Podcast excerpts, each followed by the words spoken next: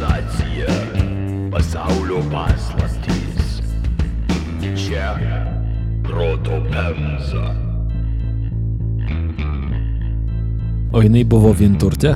Mano žinom taip. O ką tu turi prieš venturčius? Nieko. Sveiki, puikieji savo ausų ir dėmesio investuotojai. Sveikiname jūs ir vėl nūnai panūdus įsijungti proto pemzą. Greitai vartojama intelekto sensualinio viliotinį transliuojama iš Šiaurės Jeruzalės. Wow. Jūs, kaip ir visada, kaudomiesi su Lindy Hopo strakalionių garsais, tarytum tai būtų 2013-ieji, iš Lukiškių amatų inkubatoriaus sveikinasi pasverto entuzijazmo korifėjus Povilas. Aš pagalvojau, kad gal nereikia jau kiniškai sveikintis, tai pasisveikinsiu gražiausią kalbą. Sveiki. Oi, jezu, kaip gražu. Galvojau, kad kūno kalba. Informuotos abejonės flagmanas Tomas. Ahoj, hoj. Tikslingos žingeidos motivatorius Vilius. Labutis. bei aš reziduojantis vandens berniukas Aivaras. Kadangi esu Uber originalus kūrėjas, tai mano mėlyjeji kolegos norėčiau šiandieną laidą pradėti klausimu. Tarkime, jau prisirpus nakčiai leidžiatės arba kylate laiptinę po turiningo ir intensyvaus 5-6 dieninio apininių kultūrų ragavimo mieste. Akise dalykai liejasi, tačiau prieš save dar pamatote pagyvenusią moteriškę, kuri visa suplukusi ir basa bėga kažkur su uždengtu puodu. Arba keliais nemažais plastikiniais maišais. Kokios mintys sukasi jūsų galvoje, jei tarkime dar esate išsaugoję vieną kitą dėmesingumo aplinkai krislelį savo suvanotose smegenyse? Tuo momentu tikriausiai galvoju, kažkur netoliese da geras balius vyksta. Jeigu ką. Matai, yra tas, e, kai būni išgėręs, mandagus pasidarai. Tai aš nežinau, ar man reiktų paimti iš jos tuos 5 litrus ir panešti. Pasisiūlytum panešti Jo. netgi. Okay. Ne, matai, įsisūtyčiau. Aš tikriausiai nepastebėčiau, nes dažnai skrolinu laiptinį, kai lipu laiptais. Tai tiesiog kvapą pajaučiu gal tų maišų. No. Bet jeigu pamatyčiau, pirma mintis, kaip pasakai, buvo kanalizacijos problemas tikriausiai. Kanalizacija. Mhm, nu, kad kažkas, Mhm. Na, na taip, e, šūdus neša, sakykime, liaudiškai. Bukovskiškai. Pasilaikykit visą tai, bus įdomu, ar pasikeis tam tikra Empatija percepcija. vyresniem. po epizodo, bet šis klausimas, jis užduotas ne veltui. Viliuosi, kad jums tai padės kiek labiau prisartinti prie istorijos, kurią šiandien papasakosime. Taip yra todėl, kad šiandien, kaip pasakytų žiedo karo veteranas Uglukas, looks like meat's back on the menu, boys. Jis buvo restoranų gurmanas, man atrodo. Taip, mes vėl valgeraštyje. Taip, po šiokios tokios pertraukos grįžtame prie serijinių žudikų temos. Kraujo, kraujo. Grįžimui šią tamsią ir šaltą olą pasirinkome keistą, kartais gluminančią istoriją, kurią ne vienas mūsų klausytojas periodiškai meta į mūsų akiratį nuo pat mūsų pačių išlindimo jūsų akių šviesą. Istorija, kurioje šį kartą pirmuoju kruvinuoju smuiku grieš moteris. Šiandien kalbėsime apie žmogų, susirinkusį visą šūsnį macnių vardų. Ji iki šiol tebėra vadinama Baba Jaga, močiutė skerdike, bobute plėšytoje ir gana poetiškai moteriškąją Čikatilą iš Kupčino. O, wow. Taip. Referuojame, žinoma, į Tamarą Samsonovą. 2015 metais sulaukusią 68 ir būtent tada tapusią sensaciją. Tai yra žemo rakto, tačiau gana unikali istorija. Apie šaltinius šį kartą labai labai trumpai. Kaip žinia, mūsų fantastiškasis ketvertas jau nekartą kalbėjo apie tai, kaip kaimininėje Rusijoje yra kiek sunkiau su patikimesniais šaltiniais trukraimo entuziastams. Tamaros Samsonovos istorija įkūnija visas šias bėdas. Tad pasitelkdami kvadratinę ir ne tik žiniasklaidą,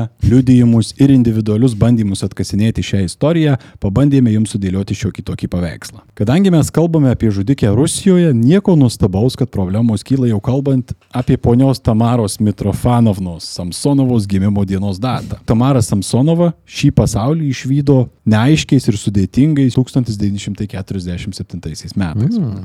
Tuo pat metu nerašant įvairius šaltinius tenka pastebėti, jog dėl konkretaus gimtadienio nusistovi trys versijos. Vakarietiškose šaltiniuose daugiausiai naudojama lapkričio 5 bei vasario 5 diena. Tuo tarpu rusakalbiuose dažniau tenka aptikti balandžio 25 dieną. Kadangi anglakalbius interneto detektyvus neretai kamuoja sunkumai su mums geriau pažįstama kvadratinė kalba iš rytų, apsistosime ties balandžio 25. Tikime, kad ir mūsų klausytojams tai per daug nepamaišys, juk visi puikiai suprantame, kad susirinkome čia pakalbėti pakalbėti ne apie ponios Samsonovo zodiako ženklą. Kažkas kitapus ausinį. O, Ką tik išjungė. jo, jo. Universaliai sutariama, kad Tamara Samsonova gimė Užūro mieste Krasnojarsko krašte. O, jo. Dabar jau, Kurortas.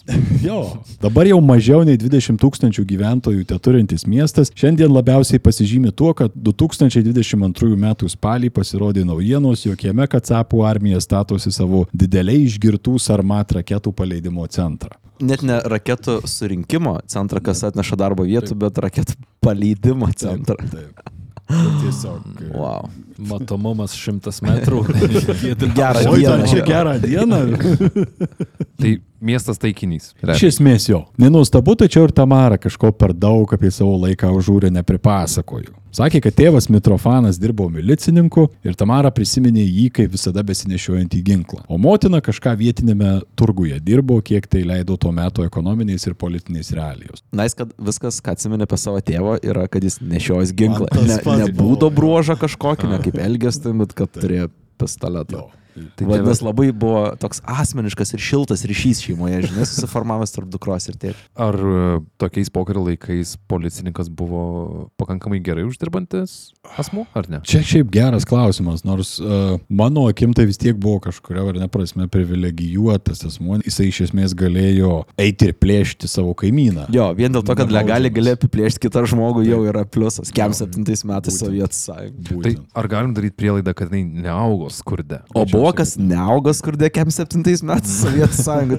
E, matai, kartelė, kas yra skurdas, buvo. Jo, jo, kitur. jo. Palyginus ar ne toj lyginamoji perspektyvoje, aš manau, kad galėjau verstis visai neblogai. Mhm. Tėvas milicininkas, moteris kažką Targavoja. Jos targavojimų, spekulacija užsiminėja. Tamara užūrė baigė vidurinę mokyklą. Baigė turbūt visai neblogai, nes po jos ji persikėlė į Maskvą, kur 1965 metais įstojo į Maskvos valstybinį lingvistinį universitetą, kuriame mokėsi filologijos. Kaip supratau, ji mokėsi anglų ir vokiečių kalbų. O, Jo. prašau. Nes studijų metu neblogai pastarąsias įvaldė. Universitetas sėkmingai baigė ir, kaip pasakojo, iškart po to, kurį laiką dirbo užsienio kalbų mokytoja kažkokiame vaikų darželyje. 1971 metais jau po studijų ir po vienų nesėkmingų sužadėtuvių su kitu vyru, ji pagaliau susirado pastovų vaikiną ir apsiženijo su tokiu Aleksėjumi Samsonovu. Naujai iškepta šeima persikraustė į Sankt Peterburgą, kur įsikūrė dar šviežiai pastatyto daugiabučio numeris 4 Dimitrovo gatvėje Kupčino rajone pirmajame aukšte.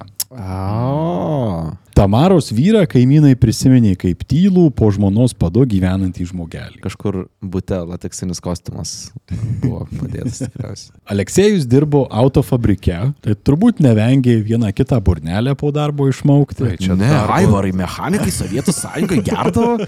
Čia kažkokiu propagandą, man O, rodos. aš matomai skleidė. prisiskaičiau per daug apie nuobodulio visuomenę. Tik, tikrai, žinok, čia ne, ne, neregėti. Negali būti.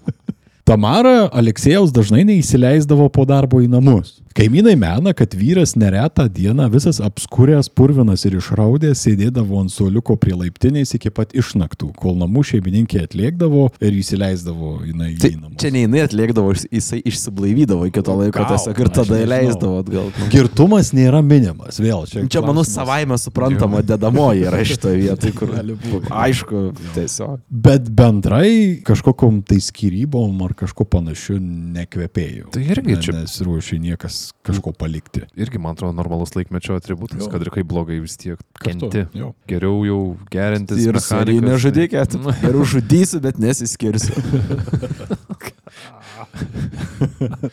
Wow. Tai šeimos vertybės svarbiausia yra. Ir teisme, o jūs pažiūrėkit, kiek jis geria. Tamara pasakojo, kad jos santykiai su vyru buvo visada geri. Sakė, kad pas juos viskas gražiai susidėlioja, nes jie atseit yra prisėmusi poroje motinos vaidmenį, o jos vyras atlieka sūnaus rolę šeimoje. Tradicinė šeima. Sounds really, really bad. Būtent, aš nežinau, kažin čia kaip atrodo viskas iš mūsų laikų perspektyvos, bet tuo metu, ypač Tamarai, viskas atrodė labai normalu. Tas Savaime suprantama. Jo, jo. Tamara, būdama sovietinė moteris, nesėdėjo namuose. Persikraušiusi į Sankt Peterburgą, ji dirbti pagal profesiją nelabai kažkaip tai rado kur. Tai jinai pradžioje įsisuko dirbti seselę ligoniniai, praleidus šiek tiek laiko ten, ji vėliau tapo tokios pagrindinės sovietinės turizmo agentūros Inturist, beje įkurtos dar 1929 metais darbuotoja. Kadangi atvažiuoja turistai iš užsienio, uh -huh. tai galbūt kažkiek ir gido reikalai. Nu, čia susiję. labiau make sense negu Jo, seselė. Jo. Jo, daug labiau. Nu, Ta pats faktas, kad žmogus visiškai neturintis jokios medicinės kvalifikacijos gali į seselį dirbti, atrodo ganėtinai. Etiketę skaityti. Sovietų sąjunga, Jo, jo. galimybių metas. Padirbusi tame inturiste, jinai iš pradžių laisvų laikų, paskui ir visai pilnai įsigudrino ir įsidarbinti būdinčiają viename prabangiausių to meto miesto viešbučių Grand Hotel Europa. Jei kas esate buvę sovietmečių dvelkiančiose šalyse, tikrai esate susidūrę su viešbučių aukštuose sėdinčiomis neretai ir zliomis moterimis, sekančiomis kiekvieną svečių žingsnį ir veiksmą, bei žinoma garsiai komentuojančiomis tą veiksmą arba, arba žingsnį. Jei tokių susidūrimų esate turėję, žinote, kuo dirbo Tamara. Taip. Man teko berots Kirgistane ir Baltarusijoje. Vis dar yra Jo, šitie. vis dar sėdi. Nice. Kažkaip reikia įdarbinti žmonės. Mm. Na ir kaipgi sovietmetis be kažkokio neiškaus side hustle. Bėgant metams, Tamara susipažino ir susidraugavo su vienos vietiniais parduotuvės darbuotoja. Pažintis buvo tokia produktyvi, kad Tamara po kurio laiko pradėjo pablatų gauti dėktinės, kurią pardavinėjo pro savo pirmojo aukšto buto langą vietiniams Pagri- alkoholikams. Ir pagrindinis pirkėjas buvo vyras. Nes reikia kažkaip deklaruoti, kad gauni Jo, pajamas. iš jo Cirkuliuoja pinigai tam rate. Blema, pro pirmą aukštą langą daugia būti. Fuck. Taip. Pas So, so ghetto yra šitai.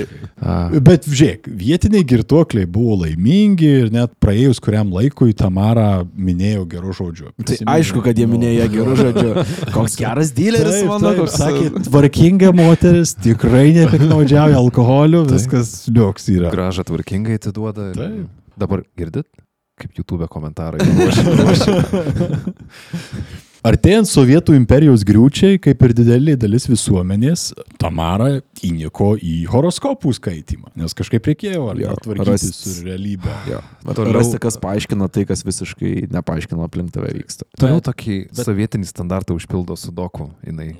Tai jinai tikriausiai tuos tris skirtingus zodieko ženklus tikrino, ne? Nes nežinojo, kada gimė. Gal iš ten ir, Pasirenka, kuris geriau. iš ten ir kilo susidomėjimas, žinai, iš to, kadangi turi tris gimtadienius, kaip daro mano asmenybės tarpus.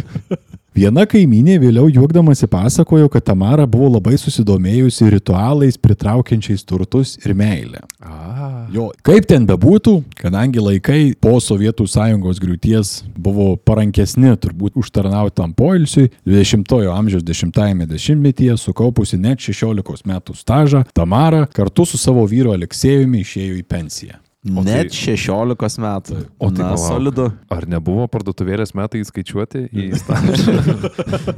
Neužformino individualaus verslo, žinai, sovietmetį sunkiau buvo, paskui jau ką ten forminsi, mokesčius Nu, mokėti reikia. Tai Atkatus. tai ant mechaniko pensijos jie sėdėjo. Mechanikų ir turizmo agentūros darbuotojas. Taip, taip, Nu. taip. Jos maža buvo, jos vyro buvo didesnė. Tai atrodytų, ar ne pensija, galėjau daugiau laiko skirti savo, nu ir galbūt gerai potencialiai, nes panašu, kad tuo metu kažkokios tai problemos lyst pradėjo. 1996-97 metų laikotarpyje Tamara kartu su savo vyru vaikščiojo į socialinės psichologijos kabinetą. Kadangi niekur nėra užsimenama, su kokia konkrečiai problema į specialistus kreipėsi Tamara su vyru, galima tik spėlioti, kad tai galėjo irgi būti susijęs su tam tikromis problemomis bevaikiai šeimos viduje. Samsonovus konsultavęs psichologas, vėliau jau davęs interviu, pastebėjo, kad šalia ryškios, gyvybingos ir erudiciją spinduliuojančios Tamaros, jos vyras Aleksėjus atrodė vargšas, pamirštas ir net šiek tiek, dabar labai atsiprašau, bet naudoju paties gydytojo pavartotą terminą, debilovatas. Poroje vyravo aiški dominavimu paremta tokia kaip ir dinamika, kurioje Samsonova, nepaisant savo žavesio, pasirodė kaip konfliktiška ir kaprizinga moteris. Konsultacijos tęsėsi kurį laiką. Psichologas netgi sugebėjo užmėgsti šiokį tokį asmeninį kontaktą su Tamara. Kažkurio momentu jam moteris jau pradėjo darytis net pernelyg atvira, kaip jisai sakė. Mm. Ji pradėjo jam pasakoti, vaginti iš parduotuvių, tačiau kartu, kad niekas jos niekada nepagaunas. A, bet rodo, kad jie nori nuotikio. Ir kad akivaizdžiai turėjo kažkokių tai vidinių demonų, slash problemų, kurias turbūt reikėjo spręsti, bet tas psichologas, aš kaip suprantu, jam buvo... Iš per daug. Jo, ir dalampočkys tiesiog dingo labai greitai. Ga gaudamas rubliais savo minimumą už šitą darbą, kurį dirba, nusprendė, kad neverta investuoti per daug laiko į kažkokią tai tamarą. Bet tai jinai pasakodavo, kol vyras irgi tam būdavo. Čia jau ne. Kažkaip ten pasakojama, vat, kažkurio momentu tas vyras, ar jis gal gert kažkur eidavo, ar tiesiog kažkokiu Dirbt, savo reikalų. dirbt. Nu, jis irgi pensijoje buvo. Ai, tai Tiesiog po pirmo aukšto langų stovėdavo prie savo langų pirmo aukšto.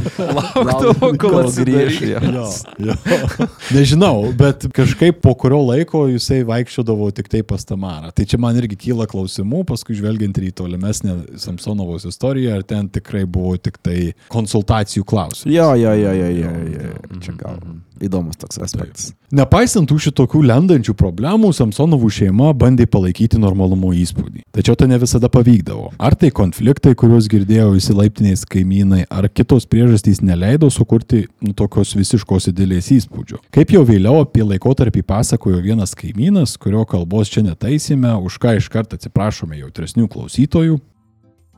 Nelaiminga ji boba buvo, gyveno dviese su vyru, vaikų neturėjo. O pradžioje 2000-ųjų ir vyras kažkur prapuolė. Dingo vyras. Taip, išgirdai teisingai, Povilai. Apie 2000 metus, kaip į vandenį dingo ilgametis sutuoktinis Aleksėjai.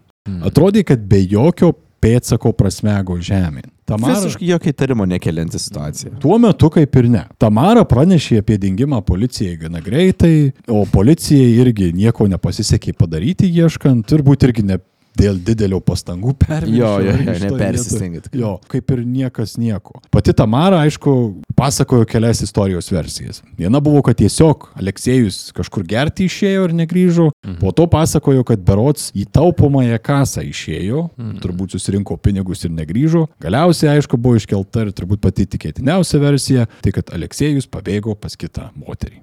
Mama kitą susirado. Jo. Panašiu metu, vat, kai dingo tas vyras, nauja Samsonovų kaiminė tapo tokia Marina Kryvenko su savo vyru atsikraušiusi į tą pačią laiptinę. Moteris greitai sukūrė kontaktą su tuo metu jau vieniša Tamara, nes pas ją tiesiog eidavo pasinaudoti telefonu. Nors buvo 2000-ųjų pradžia, vis dar buvo gana įprasta panašu vat, eiti pas savo kaimynus, pasinaudoti stacionariu telefonu, kad kažkam galėtum paskambinti. Vaikščiodavo gan dažnai tuo telefonu ir, na, nu, aišku, moteriai susibendravę, šiek tiek ir pasibėdavo, pasipasakodavo viena kitai. Ir vyro dingimas čia nebuvo išimtis, tai taip pat buvo liečiama tema karts nuo karto.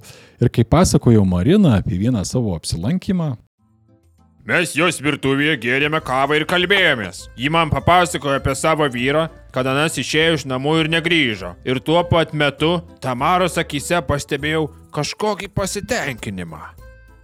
Kad ir kaip, va čia norėčiau tikėti kaimynę, aš kažkada matau klastą, nes į šitą istoriją pasakojo žurnalistam po to, kai sužinojo apie, štai, apie visą Būtent. tai ir...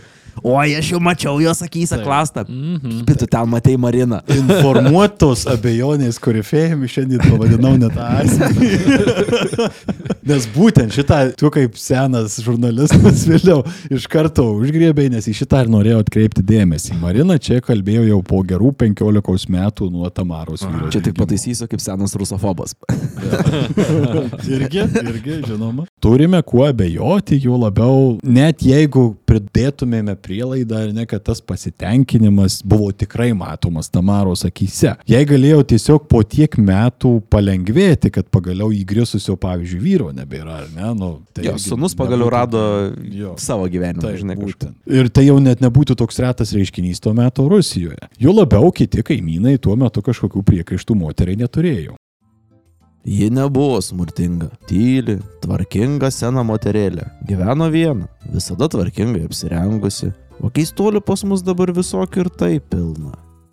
Ir čia sunku ginčytis, nes tuo metu šalyje visoje siautėjo daug žiauresnių gaujų ir manijakų, o tvarkingumo momentą liudijo ir anksčiau minėta Marina Kryvenko. Sakė, kad Samsonovos namai buvo tvarkingi, o ji pati skyrė nemažai dėmesio savo išvaizdai, tad atrodė visai neblogai savo amžiuje. Tai kai kol kas ji netitinka kriterijų, kad ant jos kristų kažkoks tai šešėlis. Visiškai. Kiti kaimynai minėjo Tamarą kaip draugišką, empatišką moterį, įsijaučiančią į kitų bėdas bei gebančią užmėgsti asmeninį ryšį. Ar buvo kalbinti tik tai jos parduotuvėlės klientai?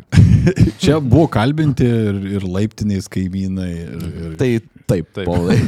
gali Tik parduotuvėlės klientai. Didelė jų dalis buvo jo pop-up šopo Jo. klientai. Nu tai blogai paliūdės ir tiesiog kaina padidės. Taip, taip. Kai ima interviu, matosi kišenėje Tamaros nuolaidų kortelė šviečia. E, Nuogos Tamaros nuotrauka. No. Visgi tuo pat metu lindo ir tam tikros keistenybės. Visų pirma, geriau susipažinus su Tamara, visi liudininkai teigia, kad ji ypatingai didžiavusi savo anglų ir vokiečių kalbos gebėjimais. Visiems, kas klausė, pasakojo, kad šitą ją padaro visuomeniais elito dalimi. Atrodo, kad ne tik namie dominuot norėtų, bet ir kažkokiu būdu visuomeniai būtų Jo, tokia labiau jo. Ir pripažinta. iš kažkurios pusės kalba apie tokį gilų, gilų nusivylimą tuo, kur iš tikrųjų jį yra. Nepilnavertiškumo jaučia. Kalbant apie tai, kažkurio momentu tiems, kas tik tai klausysi, jinai pradėjo kalbėti, kad šiaip jau yra baigusi prestižinę Vaganovos Rusijos baleto akademiją ir kaip balerina net kino filme įsiamžinusi. Niekas to filmo nerado ir turbūt atspėjote kodėl, nes jo tiesiog nebuvo. Tamara iš tikrųjų juk dirbo tiesiog būdėtoje viešbutyje. O ji buvo gerinti pati. Ne, niekur neradau. Čia mhm. tas vat irgi momentas, kad ir vietiniai alkoholikai ir kaimynai niekada neužsiminė, kad jį būtų gerinti. Don't use your product. žinai. Iš kitos pusės mes kalbame apie Rusiją tuo metu, tai tas gerintis arba negerintis terminas, jisai turbūt turėjo šiek tiek kitą prasme. Jo. nei Alus net nesiskaito kaip alkoholinis jo, gėrimas realiai. Sixpackas alaus, nu tai čia kaip giros, ja. šiandien negeriančiam. Termosas rašalo. Jo. Istorija keista, bet tiems, kas atkreipdavo į tai dėmesį, irgi per daug nekvaršinau savo galvos, istorija nekliuvo, nes Tamara Samsonova buvo, na, smulkaus sudėjimo ir save prisižiūrinti moteris, tai ta balerinos versija visai atitiko jos povyzą. Laikui bėgant, dėl vienišumo ar kitų priežasčių ekscentriškumą pradėjo mainyti tiesiog keistumas. Kaip pasakojo Marina Kryvenko ir dar keli liudininkai, Tamara susirado tokį savitą pomėgį. Tamara turėjo keistą įprotį sėdėti išsirengusi nuogai iki pusės, nugarą į langą taip, kad jos siluetas būtų matomas kaimynam. Okay. Turime 50 plus moterį, kuri va, tiesiog, jinai išsirengdavo, skaitydavo knygą specialiai prie lango atsisėdusi, tiesiog, kad ją matytų iki pusės išsirengus. Mažų mažiausiai traktuočiau tai kaip tokį, na, lengvą, subtilų kvietimą, užeiti į svečius. Ar, ar, Čia ne tik parduotuvė. Jo, parduotuvė, bet kitokias. Oh, no. Upgrade'nam savo prekių asortimentą šiek tiek. O, ta nuolaidų kortelė. Ar gali būti taip, kad gyvendama su savo vyru brūkšneliu sunum, kadangi jie vaikų neturėjo, tai jos kažkokia vis tiek seksualinė energija turi būti užkaupta. Taip, labai pritarčiau šitai tezai. E, Vėl neradau, niekas nepasakojo kažkaip detaliau apie šitą momentą, bet aš visiškai nenustepčiau, nes, nu, tuo metu dviese eiti pas psichiatrą ar pas mhm. psichologą konsultacijoms, tai man ne, nesusiveda kitaip galai, kaip tik tai, kad konfliktai šiuo atveju kažkokie, man atrodo, nebuvo e, pokalbio objektas, tai buvo mhm. turbūt susijęs su kažkokiais netgi seksualiniais dalykais, bet aš čia irgi, aš remiuosi turbūt tokių žmonių kaip Čikatilos arba mhm. Slivko istorijomis, kurie irgi ėjo dėl to, kad jie turėjo problemų su, su potencija ir taip toliau ir panašiai. Mano akim, kadangi tas mentalitetas jisai negalėjo taip greitai pasikeisti pasibaigus Sovietų sąjungai per ten 10-12 metų, tai aš manau, kad tikrai jie galėjo vaikščioti dėl to, kad turėjo problemų seksualinių kažkokių. Nes tos energijos, nu, jinai nedingsta Ne, ne. į kažkur. Tai tokia, jeigu jinai su tuo psichiatru, kai sakei, kad jam papasakojo apie savo va, tuos visus uh, reikalus, ką jinai tenai išdarinėjo, kaip nusikaltelė prisistatė, atrodo irgi, kad kažkokio tai vyriško dėmesio nori. Tai dėl to man tas jau truputį užkliuvo. Mhm. O dabar, kad jinai sėdi prie lango, atrodo tikrai, kad tokia gal net... Uh, aš ieškau, kur yra seksualinė frustracija kažkokia ir ar tai galėtų būti priežastis to, kas bus vėliau. Tai tik tu vienas žinai. Tai Aivarai, tik tu dabar. galėsi pats ir įvertinti šitą Okay. savo tezę. Nice. Pensininkė seksualinę frustraciją įvertinti galėsiu tik aš. Up my alley. Nu, bet kuriuo atveju, vėl, kaip ir kalbėjom, keistoka, kaip į šeštą dešimtį įžengusiai moteriai, tačiau kadangi tuo metu vis dar prisižiūrėjau, vietinių vyrų, nežinau, ar tik tai parduotuvėlės klientų, ar ne vietinių vyrų, tai buvo matoma kaip maloni distrakcija. Pati Krivenko mūsų minėta net skundėsi šiek tiek, kad jos vyras tuo metu laikė Tamarą patrauklę. Jam Nors skirtumas ten 20 metų, kažkas tokio. Ne? Nu, vat skirtumo čia, čia ne, nepasakysiu, bet tikrai buvo jaunesni. Krivenko ir jos vyras tikrai buvo jaunesni. O laikė grėsmę, nes jos vyras tiesiog persisvėręs per balkoną visą laiką būdavo. Nu, galbūt ir jai prasitarė, nu man patinka matyti, nu, kodėl čia tau, kokia čia problema. Aš pasižiūrėt galiu, vat moteris sėdi. Nu. Bet, na, jinai šiaip elgėsi visai, kažkurio momentu, kadangi buvo likusi viena, tai pasiskolino iš, iš Krivenko tų pačių pjūklą kažkokį, nu, kažką sakė, noriu namuose susitvarkyti, o pjūklo taip ir negražino, tokia buvo gana išsibaršiusi tuo pat metu. Tuo pat metu dalykai pradėjo eskaluotis dar labiau. Kaip pasakojo Krivenko, po kurio laiko Tamara pradėjo kaimynės prašyti dažniau žvalgytis pro savo namų durų akutę. Kažkas, pasak Tamaros, reguliariai ateidinėdavo į jos namus ir pjaustydavo jos rūbus. Kaip įrodymo ji man parodė savo pačios halatą su skyle, akivaizdžiai atsiradusią dėl susidėvėjimo. Ir ji man duris atidarydavo tik jeigu aš pelsdavausi specialiu būdu sutartu iš anksto. Mm, tokia Mhm. švelni paranoja e, sėda Jo. ant galvos. Klausimas, kodėl irgi iki šiol Ir- konkrečiai neišspręsta. Norėčiau atkreipti dėmesį į kokia buvo desperatiška visgi Rusijos situacija, kad net aukščiausio elito žmonės nešiojo halatus nusidėvėjusius tiek atskylęs. Atsirasdavo juose. Gal ta paranoja radosi ir dėl to, kad ten gyveno pirmam aukšte, pavyzdžiui, ne viena smulki moteris pirmam aukšte. Sankt Peterburgė tuo metu irgi turbūt nebuvo itin geras Turbūt. momentas. Panašiu metu Samsonova ir iš namų pradėjo kažkur eiti tik sutemus, neretai basa, visada į tą pačią parduotuvę už 10 minučių kelio pešiomis. Tačiau bendrai, nepaisant šito tokio keistumo, lyg kurį jau bent laiką vis tiek žiūrėjau labiau savo reikalų, išskyrus tokius kelis išsišokimus. Kai pasakojo jos kaimynas toks Nabijulas Habibulovičius, taip ir maniau, Čia jau pats sugalvoji tikrai. čia buvo vienas iš kelių vardų, buvo Habibulovičius. Habibulovičius. Okay. Taip. Tai kaip jis pasakojo, Samsonova vienu metu jį pradėjo kaltinti persekiojimu vien todėl, kad jie kelis kartus netyčia susidūrė, nu, akis į akį skirtingose vietose. Parduotuviai, ten šalia namų ir taip toliau ir panašiai. Na, bet mm. apsižodžiavo, kaip įprasta tokio mm. amžiaus kaimynams ir išsiskirsti. O vat kitiems kaimynams darėsi įkyriau. Virš Samsonovos gyveno kita pagyvenusių žmonių pora. Jie turėjo mažą šuniuką, kuris, kaip ir visi normalūs šunys, mėgdavo po namus palakstyti. Kažkurio momentu Samsonova pradėjo skūstis, kad tas šuniukas pernelyg garsiai klapsi nagais į kaimynų būto virtuvėje patiestą linoleumą. Ir jinai pirmam aukšte būdama, jinai girdi, kaip ten viršuj Tipinis senės nusiskundimas. Tad savo būte Tamara pradėjo daužyti radiatorių. Taip erzindama klasika. iš jos žmonės.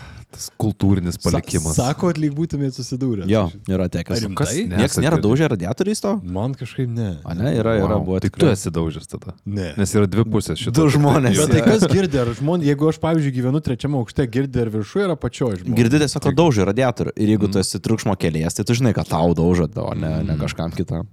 Okay. Ir jeigu gyveni antram aukšte, nu, tai tu per vidurį tos Nu, tai, transakcijos. Tai. Kam reikia, tas žino. Jo, jo, jo. Konfliktui tarp kaimynų kaistant, Tamara pradėjo tuos kaimynus net kaltinti norų susidoroti. Pradėjo rašinėti visokiausias užklausas municipalinėms institucijoms. Kelis kartus net bandė kreiptis į prezidento administraciją, rašydamas stebėtinai gerai paruoštus skundus. Taip. Wow. Mielas draugė Jelcinai. Buvo įgudus, Jau. Putino laikas buvo. įgudus skundime. Taip. Jo, jo. Tokia grinai užknisanti kaimynė. Nu, tipo, ta, ta kaimynė. Bet kaimynai irgi buvo nepėsti. Jie savo ruoštų pradėjo pasakoti, kad Tamara yra išprotėjusi ir ją reikia izoliuoti. Right back at you. Ei, kaip, kaip posakis sako, a, daugiabučių gyvenimuose, kaip daužys į radiatorių, taip ir atsiliepia. Jo, jo. Nu, tai ir natūraliai susikūrė patinė situacija, nes ir institucijos nenorėjo reaguoti. Jiems čia atrodė eilinis senių susipešimas dėl menkniekių. Mm -hmm. Nu, kaip vėl. Įprasta nu, situacija turbūt. Varšas šuo iš viso šito istorijos. Proveržis įvyko tik po kelių mėnesių, kuomet minėti kaimynai neapsikentę ir jau kadangi tas, tas konfliktas pradėjo kaip pilietis kitiems ar neskūstis nuolatos riekauti viens ant kito ir panašiai, tai tie kaimynai pradėjo rinkti parašus tam, kad Tamara būtų išsiųsta pasigydyti į psichiatrinę ligoninę. Pasirodo, wow. Rusijoje toks variantas yra įmanomas. Wow. Parašus, kad būtų pasista pasigydyti psichiatrinę, tiesiog kad uždarytų ją psichuškę ir jie rinko parašus. Jo, jo, visiškai. Kur dingo tas bendruomeniškumas mūsų bet kaiminystėje? Ten nebuvo jo. Šiaip tai geras, tai reiškia, kad tu gali demokratiškai... Jo, ta, čia kaip, kaip per realybės šau tave gali išbalsuoti laukant iš šito daugiabučio. Uh, Counter-Strike tai vadinasi Vote Ban, man atrodo.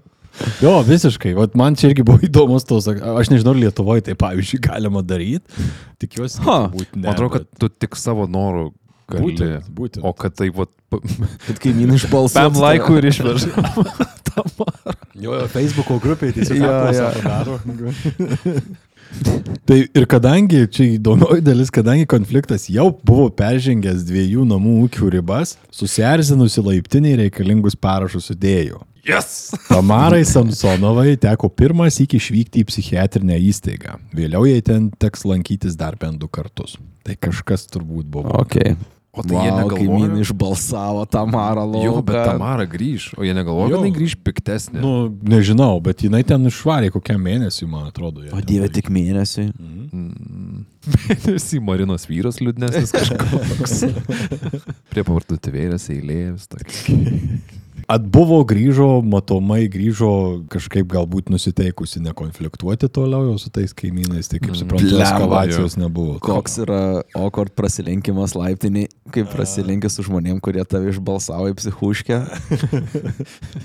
Taigi, ei, o tais laikais net būdavo namo susirinkimai. Jo. Tai Tai manau, kad- šiol vyksta Mhm. namo bendryje. Ten Rusy kokiam susitinkė. Jo, o šitas įdomus būdavo. kad į Rūsį visi. Kad jeigu lyja Kažkokie- lietus, taigi nestovėsi. Tai gerai, nesvarbu. bet kai ten iš, ir normalus oras. Ai, ne, vis tiek tipo į Jo, jo, eidavo į Rūsį. Prie vamzdžių ten Tra traukia karšta. prie žemelės lietuviškas, žinai. Saugiau, žinai, kad. Periferiniam matymui visą laiką bulvė kažkur būtų, kad ramiau, ramiau visiems.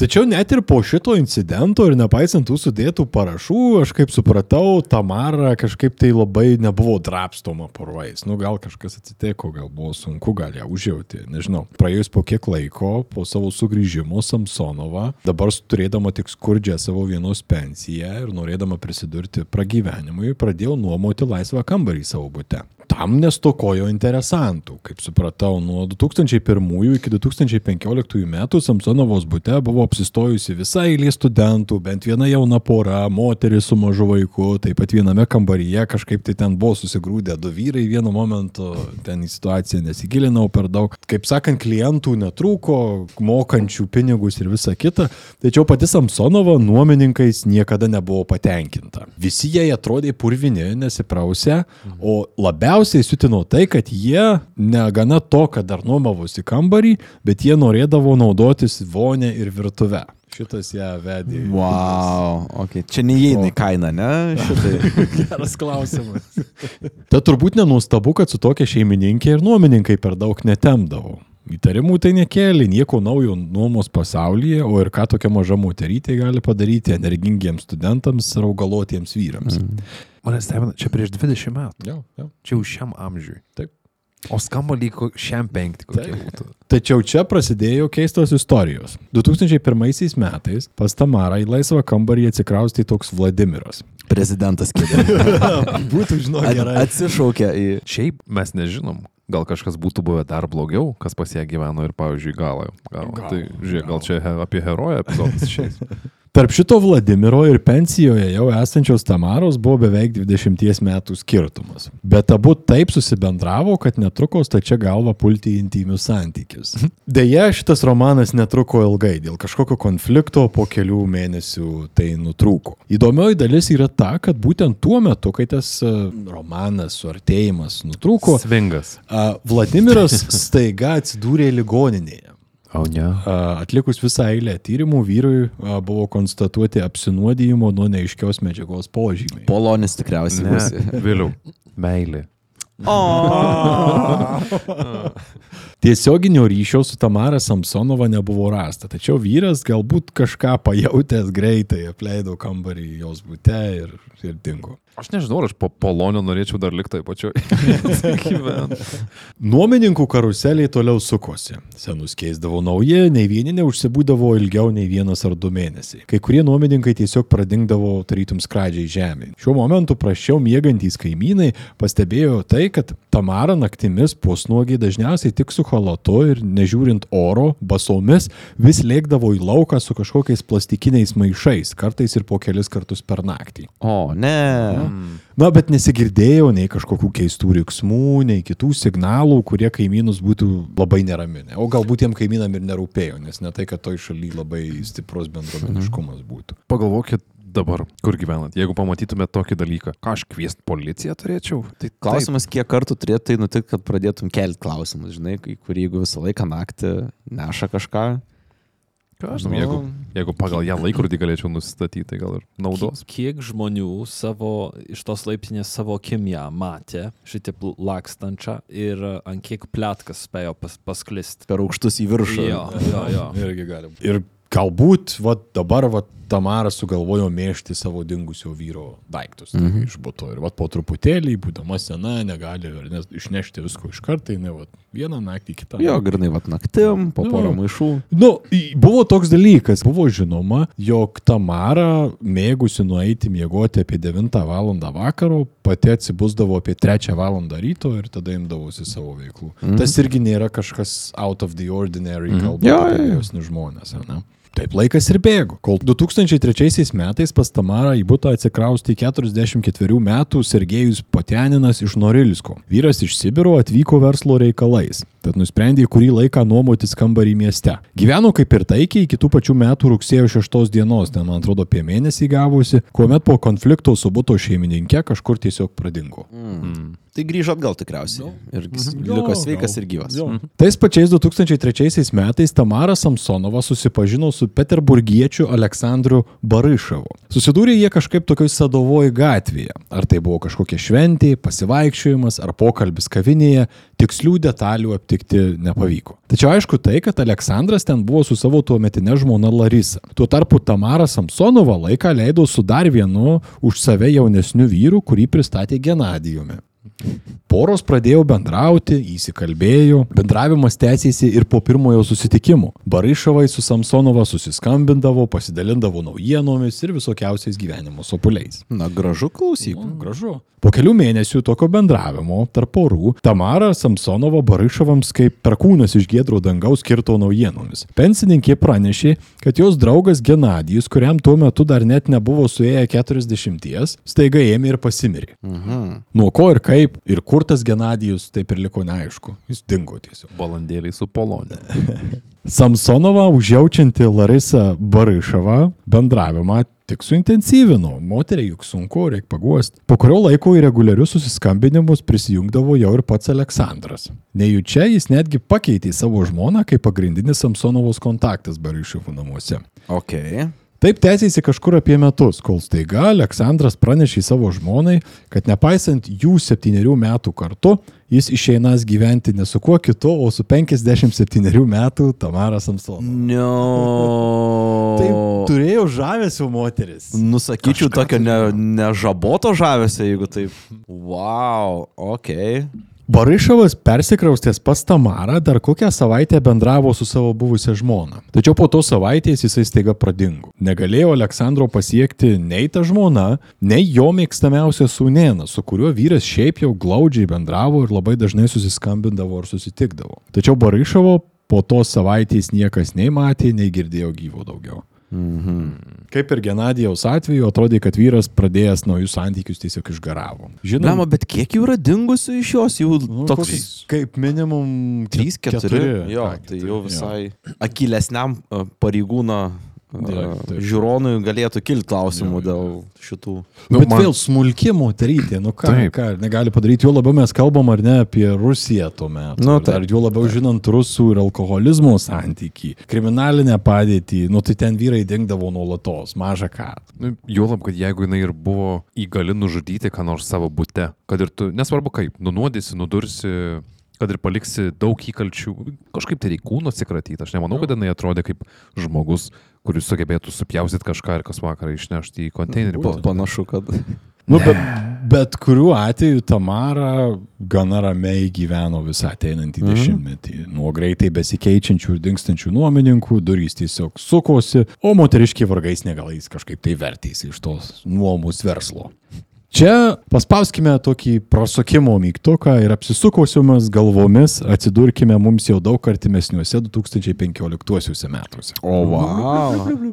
Šių metų kovą 68 jau sulaukusi Tamara Samsonova susirado naują draugę. Socialinės rūpybos punkte jis susipažino su 79 Valentina Nikolajevna Ulanova. Valentina Ulanova daug metų pradirbo statybose, o sulaukusi pensijos tapo entuziastinga sodininkė toje pačioje Dimitrovo gatvėje, besirūpinusią gėlėmis ir kitą augalyje. Kadangi ne tik turėjo gerą darbo stažą, o karo metais išgyveno ir Leningrado blokadą, bei turėjo tėvus sušaudytus represijų metais, galėjo pasigirti ir pensiją, leidžiančią gyventi gana patogiai, net ir esant vienai. Buvo mėgstama aplinkinių, garsėjo kaip dosnus žmogus, kuris galėjo prašiau besiverčiančiam kaimynui ir iš niekur nieko, pavyzdžiui, batus nupirkti, jei matė, kad sunku. 2015 metais Valentina buvo jau gana stipriai pasiligojusi. Sunkiai vertėsi viena pati būte. Ir čia kaip tyčia atsirado Tamara Samsonova. Ji pasisiūlė ne tik padėti namus aptvarkyti, bet ir sulakstyti į parduotuvę, kai ko prireikia ir visai kitaip pagelbėti. Kadangi Tamara buvo matoma kaip empatiškas žmogus vis dar tuo metu, tebūnė ir keistas, Valentina nieko neįtarė. Viskas,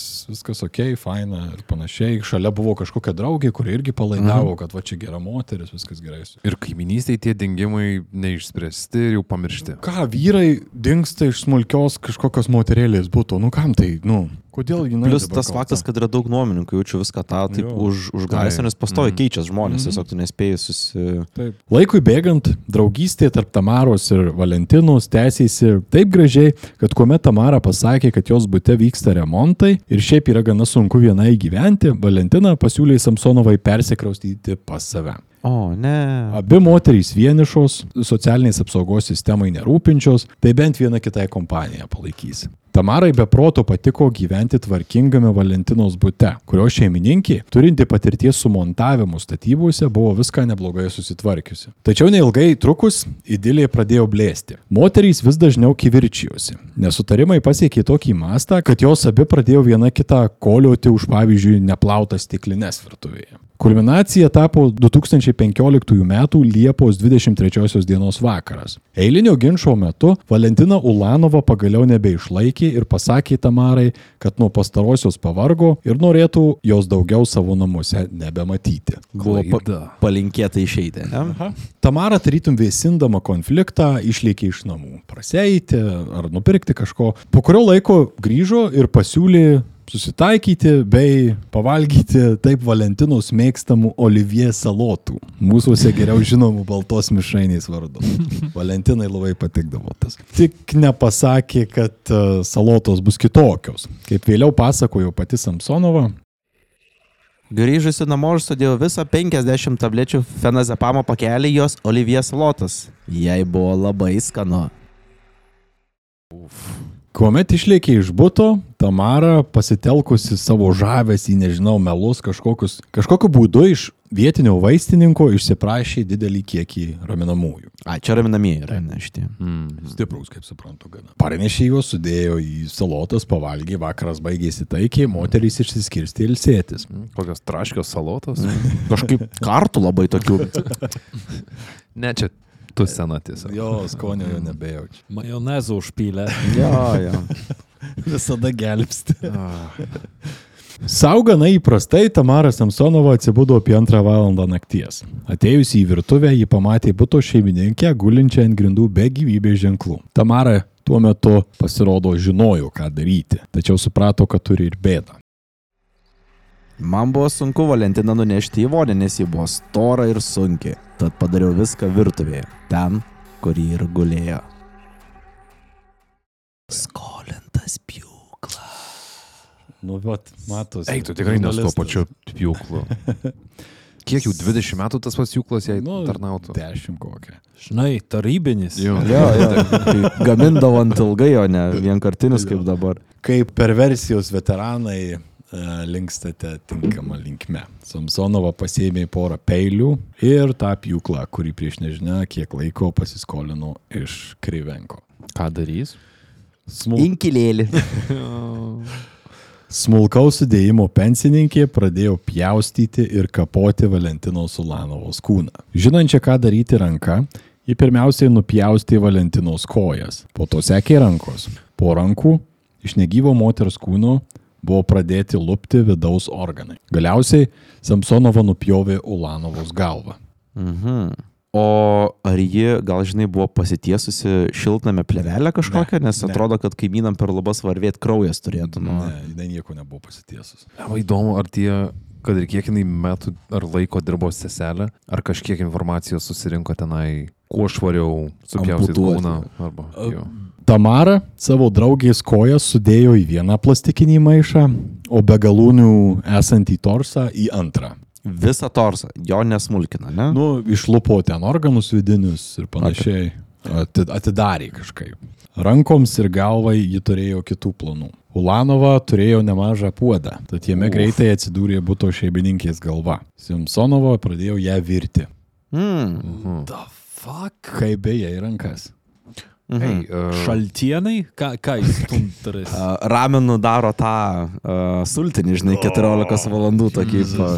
Tai Tameris irgi, man atrodo, nuvirinėjo galvą, nes ka- kažkiek laiko, kai paverdi, atšoka mėsa ir su laiku tu turi gražią suvenyrinę kaukolę. Arba sultinuką, ta prasme, netmeskim tos, Tai vis dar. Jo. Jo. Mano aptiktas populiariausias spėjimas buvo tas, kad e, šitas aktas buvo susijęs su bandymu kaip įmanoma labiau subjauroti žmogų geriausiai identifikuojančias kūno dalis. Jo, fair point. Ir po to lengviau tikriausiai tą košę, kuri lieka, yra išmesti negu cielą dalį.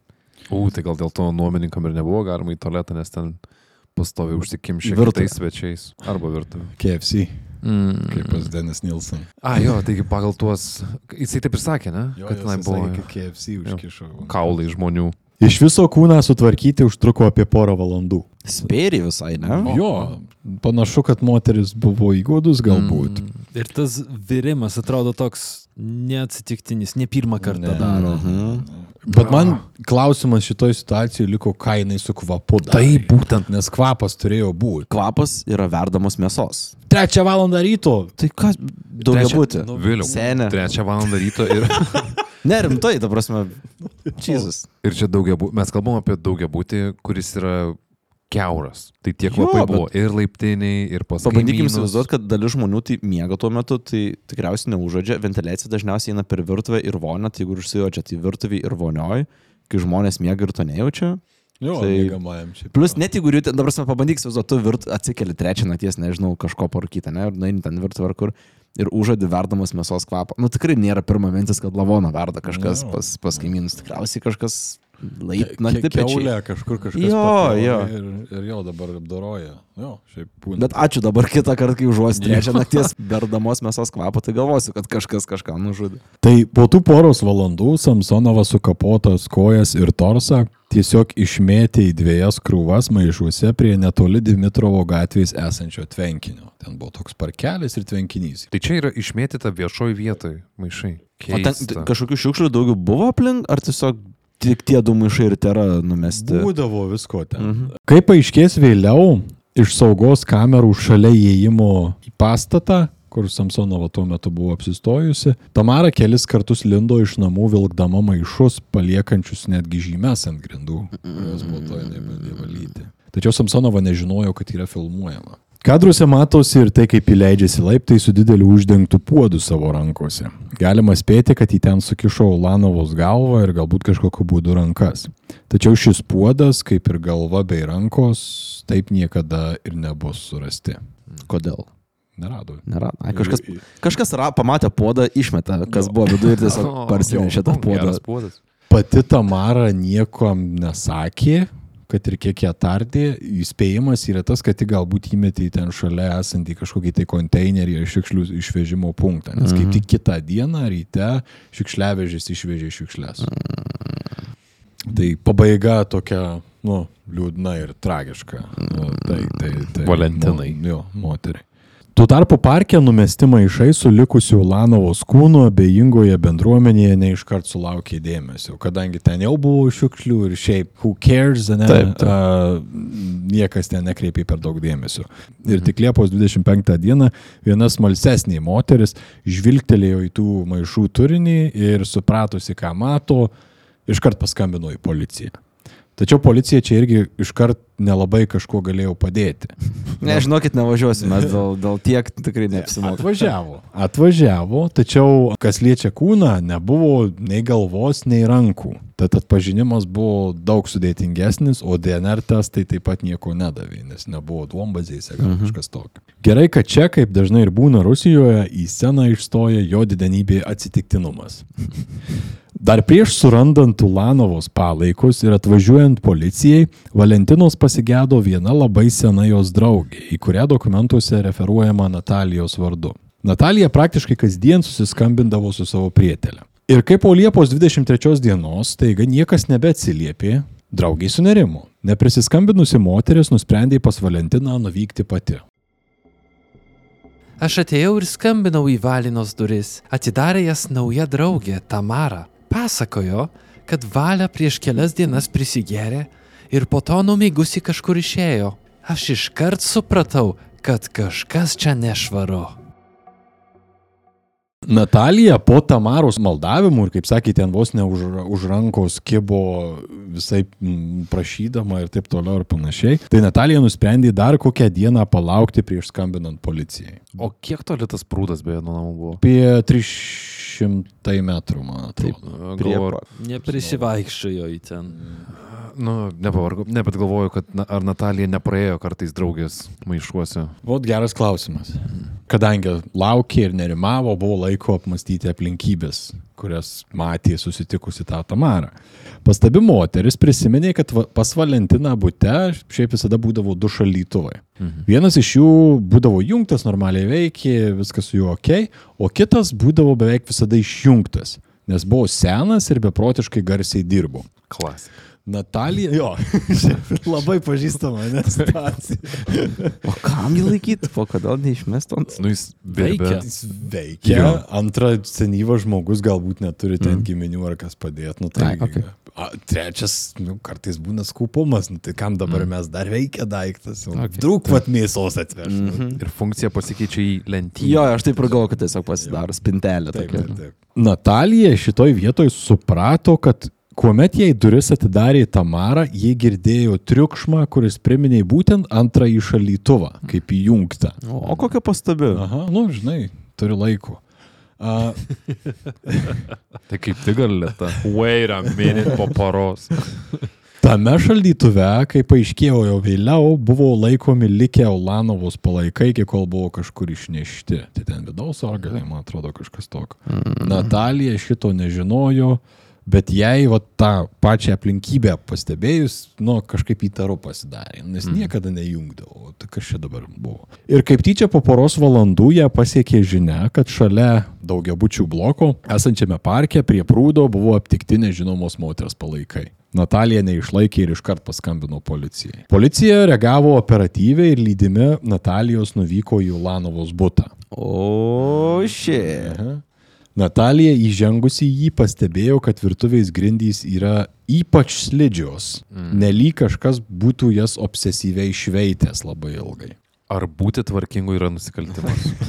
O policija tuo tarpu iškart prirėmė prie sienos Samsonovą dėl būto šeimininkės likimo. Samsonova, ar tai suprasdama savo situacijos šūdinumą, ar vedama kitų savo galvoje esančių motyvų, iškart prisipažino nužudžiusi Ulanovą, Oho. nes nenorėjo kraustytis iš jos būtų. Vėliau prasitarė apie dar porą nužudimų, kurių motivacija pateikė tokias gilias priežastis kaip netai pažiūrėjau bei netą pasakė. Hmm. Ok. Na, būna. Ne? Fair enough. Kodėl jinai liko tam bute? Aš suprantu, kad ten yra kūno dalių. Dabar jau ten jau tuo metu nebebuvo. Nebebuvo. Tai kodėl jinai negryžo į savo butą? Vainesnis būtas tiesiog. Jo, jo, ir niekas iki, šiol, iki tol jos negrilino dėl kažko. Nu, dėl to aš ir sakau, kad labai keista istorija. Bet jinai tam, jinai su tuo butu. siaubo filmas toks. Šiaip jo. Lema dabar bijosiu pensijos. Bet uh, jinai tam bute nei registruota, jinai svečias. Jo. Tai jinai jeigu būtų išėjus iš to faino buto. Būtų pabuvus, jo. Nu. Bet jai tiesiog labai patiko. Samsonovos apklausoje dalyvavo ir patyręs detektyvas su gera atmintimi. Jis prisiminė, kad dar prieš 12 metų, 2003-aisiais, tose pačiose apylinkėse buvo rastas nežinomo vyro torsas be galūnių. Ok, tai čia rajono varkas tiesiog, ne? Ir... O. Tamara vos neiškart pasakė, kad čia jos nuomininkas. Teko tikrinti. Greitai į Tamaros Samsonovos butą atvyko operatyvininkai. Jei anksčiau Tamara gyveno tvarkingai, tai dabar jos butas buvo pavirtęs šiukšlių pilnų tvartų nevalytais langais. Samsonovos bute iš karto buvo rasta pora krovinų peilių bei nevalytų kraujo dėmių vonioje ant sienų ir kambaryje užplintusų. Radinių kraitį papildė ir jau vos ne visai nudrengta ezoterikos knyga. Joje trūko kelių puslapių. Trūkstami puslapiai suvedė į krūvinus galus. Pasirodo, kaip tyčia, tie konkretūs lapai iš ezoterikos knygos kažkokiu būdu atsidūrė maiše su minėtų vyro torsu rastu dar 2003 metais. O dieve, gal nuvalė peilį kokį ir, žinai, įmetus. Viską galutinai sudėliojo dar įdomesnis radinys - pačios Tamaros Samsonovos dienoraštis. Šis anglų, vokiečių ir rusų kalbomis vestas dokumentas Wow. Taip. Didžiaja dalimi pasakoja, na, apie obsesyvius kiekvienos dienos veiksmus. Prastai miegojau, geriau kavos, visai nenorėjau valgyti, ar šiandien ryte išgėriau kavos ir jau pirkti zefyrų, na, tokie visokie dalykai. Bet vienas įrašas iškart patraukė dėmesį. Jame moteris aprašinėja nuomininką vyrą, kuris, nu, vat, kaip tyčia turi tatuiruotę ant savo peties. Šita tatuiruotė sudaryta iš išieptų gyvūno dantų ir dviejų sukryžiuotų durklų. Ir kaip tyčia, torsas, kuris prieš 12 metų buvo rastas, turėjo kaip tik tokias žymes ant savo peties. Wow. Taip. Ir šitoje vietoje pasidarė aiškus Sergejaus Potenino likimas. Vėliau, vykdant e, ekstensyvesnę paiešką, jo net vizitinė kortelė buvo rasta Samsonovos bute rioksinčiame šiukšlyne. Mhm. O pati Samsonova pasakojo, kad va tam Sergejui į šaltibaršius pripylė raminamųjų radedormo prieš sukapojant ir išdrapstant kūno dalis apylinkėse. Ei, bet bent Šaltekų gal, šaltibarščiai. Jo, čia kaip Tai lietuvio pliusų. atsakymas. Na, bent jau šaltekų. Gal. Tame pačiame dienoraštyje rasta ir dar tiesesnių pareiškimų. Nužudžiau savo nuomininką Volodę, piliu supjaušiu jį į gabalus vonėje, kūno dalis sudėjau plastikinius maišus ir išmečiau juos skirtingose Frunzenski rajono dalyse. Okay, yra strategijos kažkokios dėl išmėtimo skirtingose vietose, bet šiaip turiu nusistebėti, kaip jinai iš tikrųjų daug darbo įdėjo supjaustyti žmogų. Čia daug reikalų. Ypač Nu jo. daugia būti. Matau. Jo. Man vis, visiškai keista yra, kad gali daugia būti tai padaryti ir kaimynai nesužino šito. Kaip džiaugiuosi, kad nenusišypsoji, kai šitą pasakyti. Viso dienoraštyje buvo rasta bent dešimt panašių prisipažinimų. Ok. Dešimt. Taip, povilai. Tavo reakcija, nu gaila, nefilmuoja. Taip, bent dešimt. Galiausiai ten apsistojo skaičius ties 14. Kai kurie šaltiniai teigia, kad Samsonova buvo taip įnikusi į okultizmą, jog turėjo krūvą juodosios magijos knygų ir ypatingą dėmesį skyrė savo aukų vidaus organams, o ypač plaučiams. Pasakojama, kad moteris pati bijodama negalavimų valgė aukų plaučius, norėdama sustiprėti. Ir tai buvo aprašyta ir dienoraštyje. Jaki hardcore, čia šiek tiek, ok. Na ir iš ties, pavyzdžiui, Ulanovos vidaus organų nepavyko niekur rasti. Tačiau kanibalizmo elementas nebuvo patvirtintas nu konkrečiais įkalčiais. Negalime čia atmesti ir rusiško ekstrasensų mūšio tipo sensacionalizmų, jau lab, kad pastarojo atstovai čia rimtai buvo kalbinami kaip ekspertai bylos kontekste. Nice. Ir populiariausia buvo, aišku, ritualiniai žmogžudystės. Na, jis kaip nesugebė sutelkti komandos, kad DNR tyrimus padarytų, bet ekstrasensus atsiuntė. Bet kuriuo atveju Samsonova buvo iškart suimta ir jai, nu, Ulanovos žmogžudystė iškart buvo pri, priskirta. Kuomet Samsonova į teismo salėje buvo pareikšta, kad ji bus suimta ilgesniam laikui, ji šypsodamasi suplojo rankomis. Keistas elgesys lydėjo visą teismo procesą. Viename posėdėje ji net, e, kai su ją kalbėjo teisėjas, paprašė būti išleista, nes jai, cituoju, dušna. Yra. Jo, jo, okei. Ar tai yra to dėmesio troškimo padarinys, kaip jinai taip elgesi? Ar čia galima išvelgti kažkokią lygą? Būtent, va, tau ir klausimas. Čia yra didžioji Atsakymo- myslė šitoje vietoje. Tai atsakymą suprantu nepasakysi. Nepasakysiu. Aš Gal, žinai, susitiks kažkur pusiaukelį šitie du dalykai. Mm, Virtuviai.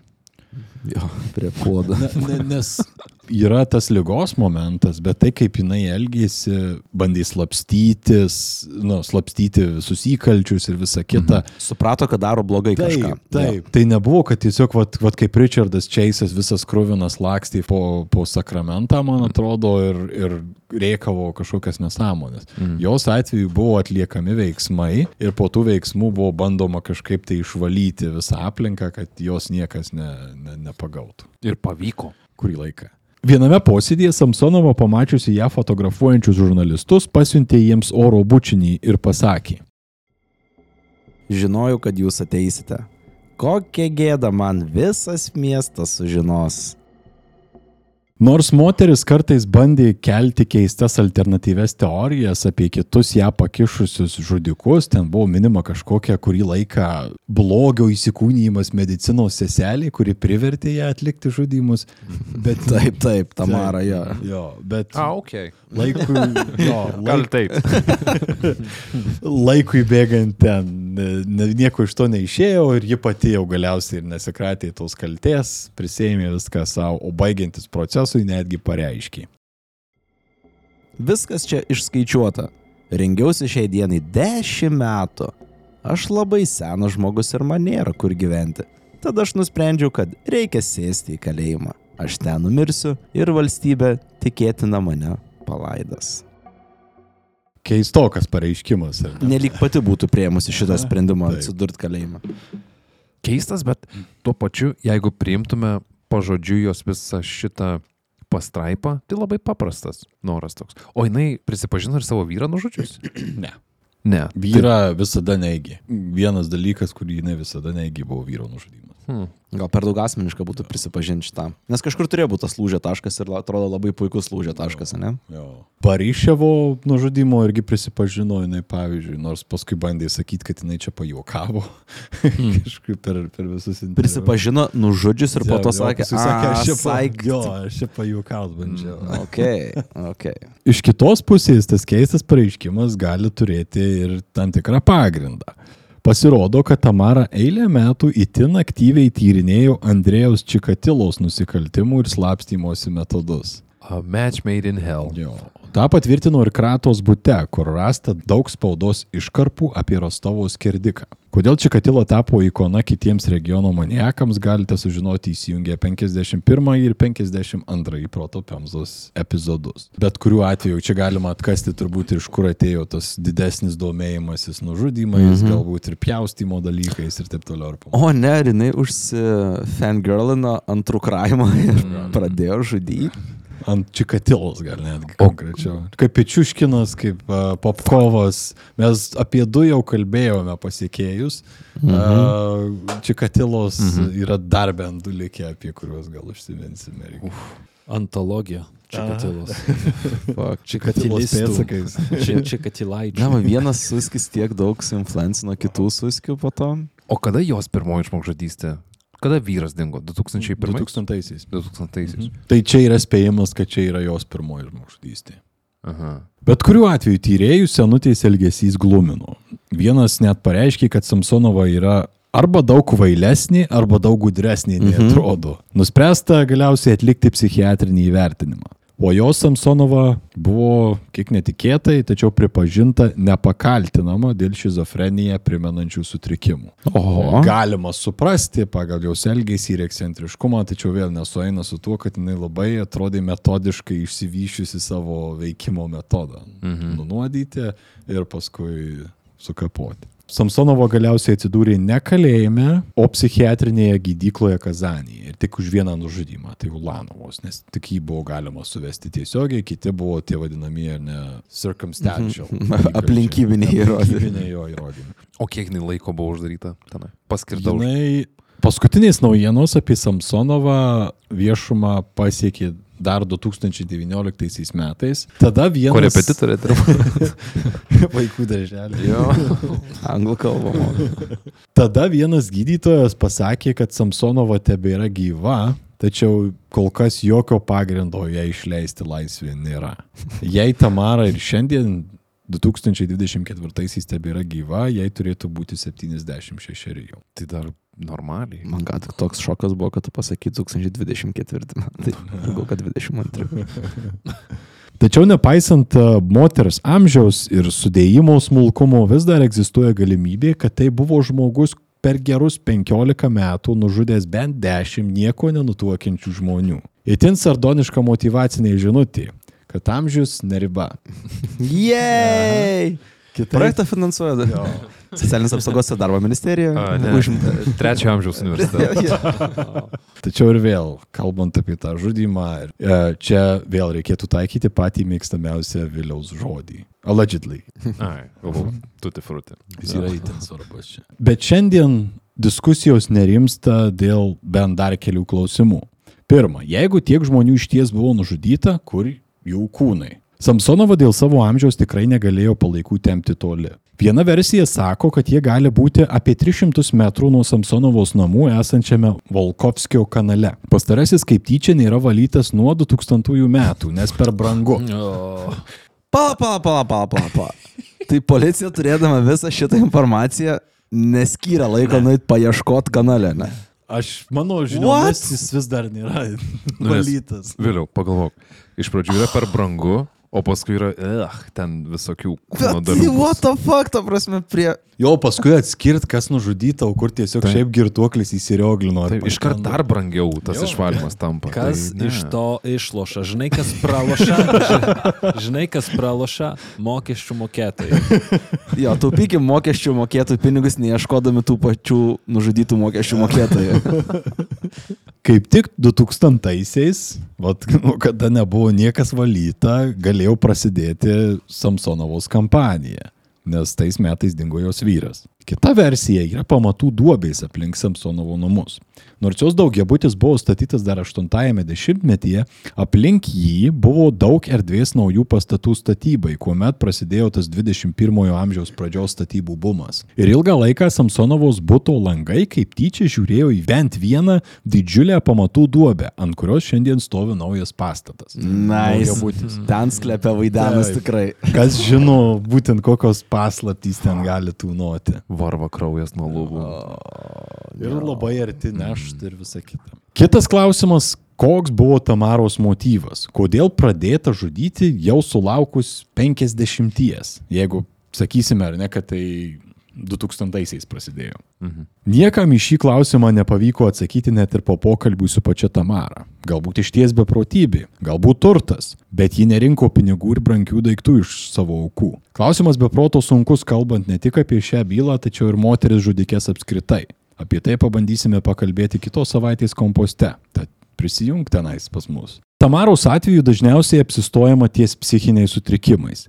Tai galėtų būti sveikintina tyrimo kryptis, nes leistų apmastyti problematiką visuomeniniu lygmiu ir ne tik problematiką susijusią su psichiniais sutrikimais, bet ir apie, kalbant apie pagyvenusių žmonių vienišumą, rūpinimąsi jais, na, kažkokios tai pagalbos teikimą. Tiesiog visa eilė klausimų, kuri liečia bendruomenės, liečia valstybės ar ne teikiamas paslaugas ir panašiai. Tai galėjo būti istorija padėjusi spręsti liūdnas socialinės problemas. Bet ta istorija nutiko Rusijoje.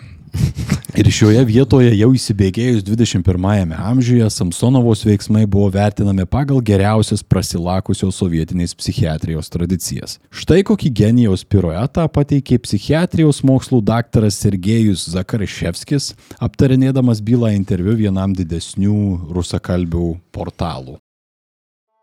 Dažnai deviacijos nuo mentalinių normų moterise pasireiškia menopauzės metu. Taip nutinka dėl didelių hormoninių pokyčių kūne, keičiančių minties rautą bei pasaulyje žiūrą. Aš su Samsonova nekomunikavau, tačiau tai, kad ji pradėjo žudyti po 50, gali nurodyti į klimaktinius pokyčius. Viską dar labiau komplikuoja faktas, kad moteris neturėjo vaikų. Tai taip pat nurodo į hormoninius sutrikimus.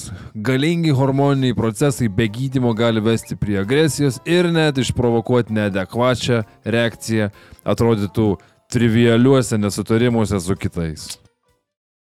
Atrodo, kaip bingo kortelė būtų iš to citatų, kur kiekviena... O jau būtumėm visi girti, reikėtų visą Jo. butelį išgerti. moteris, menopauzė, hormonai, nėra vaikų, negimdžius. Konfliktai. Visiškai. Man labiausiai iš to citatui patinka ta eilutė, kuris sako, kad aš nesu bendravęs, bet mano ekspertinė nuomonė. Būtent. Viso mūsų kolektyvo, mūsų atviro visiems kolektyvo vardu atsiprašau visų mūsų adekvačiai mąstančių klausytojų, kad šią apgailėtiną citatą turėjote girdėti. Tačiau ją girdėti būtina, norint suprasti, kas dedasi ir kaip į problemas žiūrima didelėje mūsų kaiminėje. Ne tik į tokias bėdas kaip šizofrenija ir kiti dvasios iššūkiai, tačiau ir į pagyvenusius žmonės, o ypač moteris. Jos iš prigimties fiziologiškai yra traktuojamos kaip pavojaus šaltinis nelyg kokiame 16 amžiuje. Priminsiu, kad mušti moterį Rusijoje yra legaliai leidžiama. Moteris mieliau naudojama kaip patogus atpirkimo ožys, nukreipiantis dėmesį nuo tikrų problemų sprendimo. Tikite, kad Samsonova nužudė 10 žmonių ar ne? Čia nėra tiek esmė, kiek tai, kokį rusiškos visuomenės paveikslą išskleidžia Samsonovos istorija ir reakcijos į ją. Ir tas paveikslas yra širpokas. Tikėkime, kad pas mus niekada jisai nebus nupieštas. Dėm, kaip šlykštų yra. Ačiū, Aivar, tau už šitą e, neįtikėtinai šlykščią istoriją. Blogiausia dalis, kad nepa- nepaisant to, kad sužinojau apie moteris ir nežudikė, kas yra vienas tokių naujesnių dalykų pas mus repertare, dabar niekada negalėsiu naktį žodės verdamos mėsos kvapo negalvot, kad kažkas nužudė žmogų. Tai ačiū tau už, už šitą naują potyrį. Apie pačią Tamarą mūsų šnekant, tai aš kaip suprantu, mes į galą vis tiek ir niekada nežinosim, ar jinai, nei jos motivacijos galutinės, nei ir iš tikrųjų nužudė ten kiek tų žmonių. Bet šlikščiausias dalykas tikriausiai, kad mes turim dvi žmogžudystės, kurios tikrai buvo ir jas, jas skiria beveik 10 metų, ne daugiau, Daugiau nei 10 metų. 10 metų. Ir yra kaip ir pradžia kažkokia ir pabaiga, kas tau leidžia sujungti tuos galus per vidurį. Ir matyti tą labai labai krauju atmieštų grindų vaizdą ir užuost fucking kvapą visą šitą dalyką. Tai jek būtų iš manęs. Norėjau sakyti, kad man patiko istorija. Tada pagalvojau, kad keistai skambės. Tamaros receptai. Oh, no. E, Bet knygos būtų išleistos angliškai, vokiškai. Tai E, jums reikės nuomininkų. Vieno nuomininko. Vieno keisto žvilgsnio.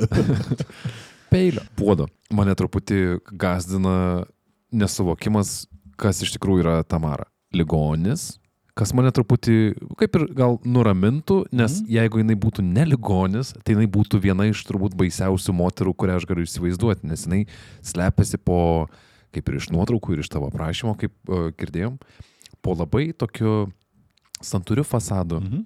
besislepianti tamsybių duobė, į kurią įkrito. Aš tai noriu tikėti, kad dešimt kūnų, nes man tada nutapo ją kaip tikrai protinga, manau, Ir yra protinga, čia ne, nežiūrint, ar, tai, ar ji turėjo problemų su psichika ar ne, jinai Taip. protinga. Tai uh, aš ją norėčiau nupiešti kaip protingą ir žinojusią, ką jinai darė. Ir tai dariusią gan efektyviai, bet uh, ačiū, kad išgazdinai mane, kaip neteisingai galiu aš vertinti savo pirmo aukšto kaiminės močiutės. Dabar bijosiu prasilenkti, pažiūrėti pro langą, užuost kažką. Ir... Bet čia nebuvo epizodo Esmė, bet- paskirtis, Jo. kad jūs bijotumėte. vaikeli, gal gali padėti maišus pasinešti. Eik tu mane! Eik šitų Ne, tai užeikit. Ne. Na, I'm good. Gal šalti barščių. Jo, baltos mišrainės. Ne, ne, myli. Arba kaip tai, o ratų gal pridėti? Toks, jūs tiek dėkit dar. Dėl to Baba Jaga mm, iki šiol vadinama yra. Wick. Aš, tai, mane, aš, la, man labai būtų baisu springt virtuviai nuo ten tų 50 tablečių ir kai jinai stovėtų tarp durų ir tiesiog žiūrėtų į mane.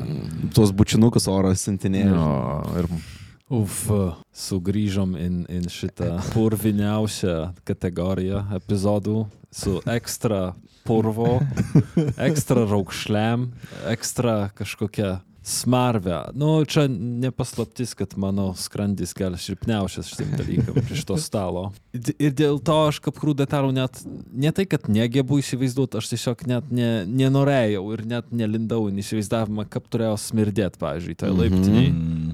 Iš tavo pasakojimo susidarau įspūdį, kad tai turbūt buvo sociopatė ar ir ar psichopatė mhm. su tikriausiai daugeliu sutrikimų. Tas kažkoks sakymas toks, žinai, Povilo, ar ji buvo sveika ar nesveika, nu jis iš esmės netinkamas už tai, kad normalus žmogus, neturintis sutrikimų, jis tokių dalykų nedarytų. Taip, tai kažkokios tikrai jo. turėjo sutrikimus. Nežinau, dabar man išėjus laukan į šitą šlapdirbą ir pilkumą netrodys tie biurų. Žinai, čia labai Jo, ačiū, ačiū Jums, kad išklausėt. Kviečiame Jūs prisijungti visose didžiausiose platformose. Ateiti į mūsų kontribį. Vilius puikius gestus dabar rodo, kupinus meilės. Um.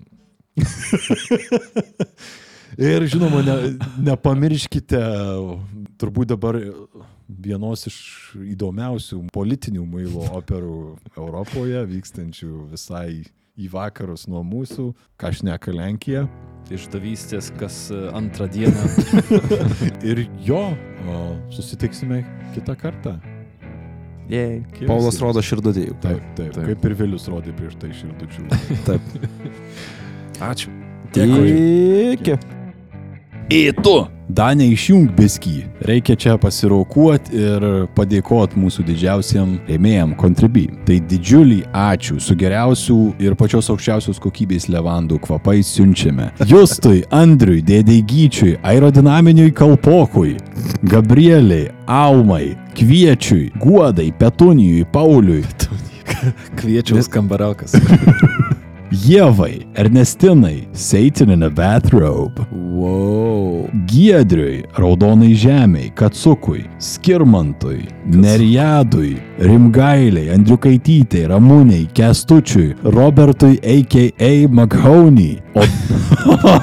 čia geras. O Doilui kiečiausiam. Laišku, kur čia šitas? Iš Bilio Medisono ar ne? Jo, ar Happy Gilmore? Ne, iš, iš Happy Gilmore, ne, neseniai žiūrėjau. Man atrodo, iš Bilio Medisono. Adamo, Adamo Sandlero. Visatoje. Šedevro.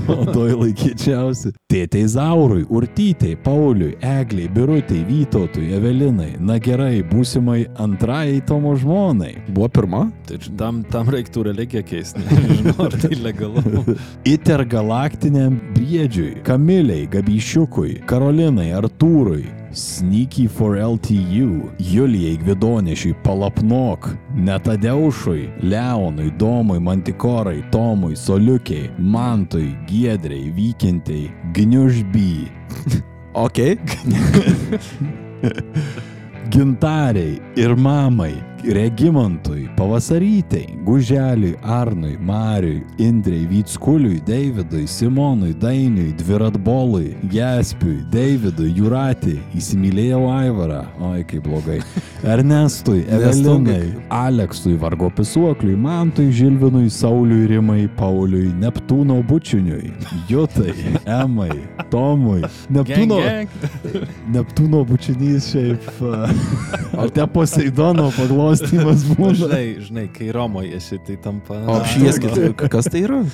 Kai e, dropini savo laudą ir vanduo nutieška ir paliečia tau žanduką. A, nice, ok. Tai Poseidono paglostymas arba Neptūno bučinys. Nice. Nice. Jutai, Emai, Tomui, Kriokliui. Gang. Kam tu šikimą, Jeki? Sprinter, tavo tėvų malkiniai, Rūtai, Agnei ir Vytautui, Ligitokė iš Kybartų, Sigiui iš Lakbaumui, Paulinai, Aiščiui, Žilvai, Davidui, Omajevo Maušindeiriui, Gineitui, Tomui, Kazimierui, Makaulizuokiui, Gvidui, Vitalijai, Jovitai, Muavai, Jutai, Kriogeliui, Dingo šuo, Nerasta, Rokui, Gedui, Elduderino Taujanskui, Saint Ingridai, Neprastam Prūsui.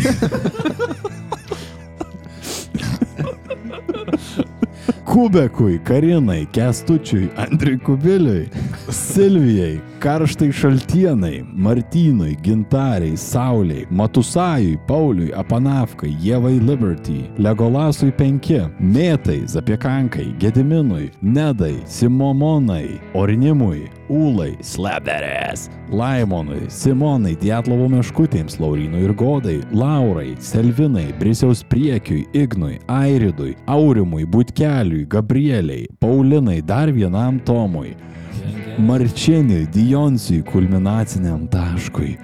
Pijui, Mantui, Mykolui, Tomui, Šiurpiai, Arnoldui, Šarūnui, Žygimantui, Robertai, Linai, Mantui, Martynai, skambink 1482, čia kur celofaną paremta, nereikia.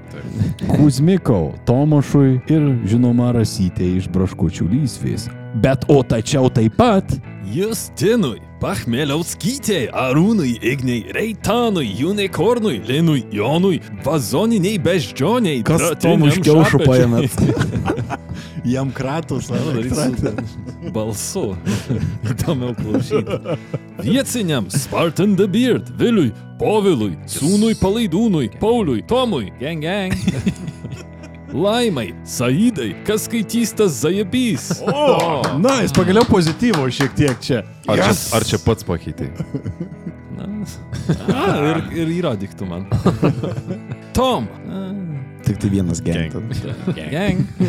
Martynui Gyslai, Sociui, Justinai, komisijos policariatui, Minlegui, gerai nusipato, Martynui, Rūtenui, Deimantai, Gabrieliai, Ananasiniam Vafliui, Agatai, Atstogarinimui, Medai, Titui, Erikai, Emai, Salvijui, Romenas koks, Mariui, Dimjaškiui, Dėjai, Vyteniui, Skrusdelytei, Šarvuotam, Birutei, Bropniukui, Žilvinui, Baronui von Solkenzo, Retro, Lukui, Laurinui iš Alitaus, Ramoniui Pievai, Rokui, Mykol Morui, Kamiliai, Tomui, Gang Gang, Povilui, Vytautui, Martynui, Mariui, Ramūnui, Aneliai, Godai, chemijos gydytojai, Tomui, Gang Gang, Evelinai, Gretai, Kristinai, Bobiui, Austėjai, Edgarui, interdimensiniam technobildukui, Eglynui, Egliai, Navickų džiaugsmui, Pauliui, Daivai, Nedui, Rokui, Tadui, Tadui, Brisiaus galui, Henkai, Ingridukas Almukso mama. Tai mamai? Gintautui, Edvardus. Kas skaitys tas gaidys? O, Išėjo man nulio. Išlygino. Meškauogiai, Modestui, Agent Cooper. Kiek valandų? 5 po 11.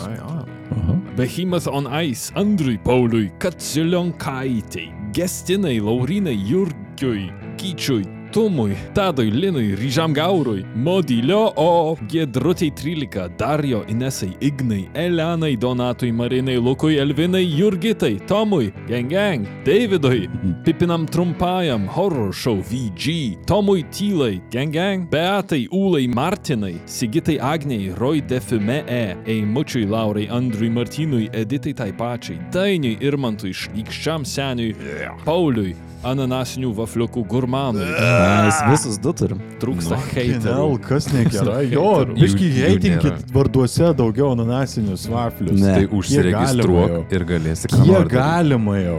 Vafliai, vafliai. Kas skaitys tas vaflys? Bohemai Ruoniui, Domantui, Simonui, Jovarui, Luidžiai, Šakočiui be šakų, Almuksui, A, vat. Kažkokia Mantui. šeimos drama. Aivarai. Ką? Žek, žek. Vien tai kaip Aivaras turėjo galvą pakreipti, kur pradėti. Tai brūkšnys pat brūkšnys linkėjimai, dvi taškis, atidaryt skliaustą, trys taškai, uždaryt skliaustą kunigo lūpoms.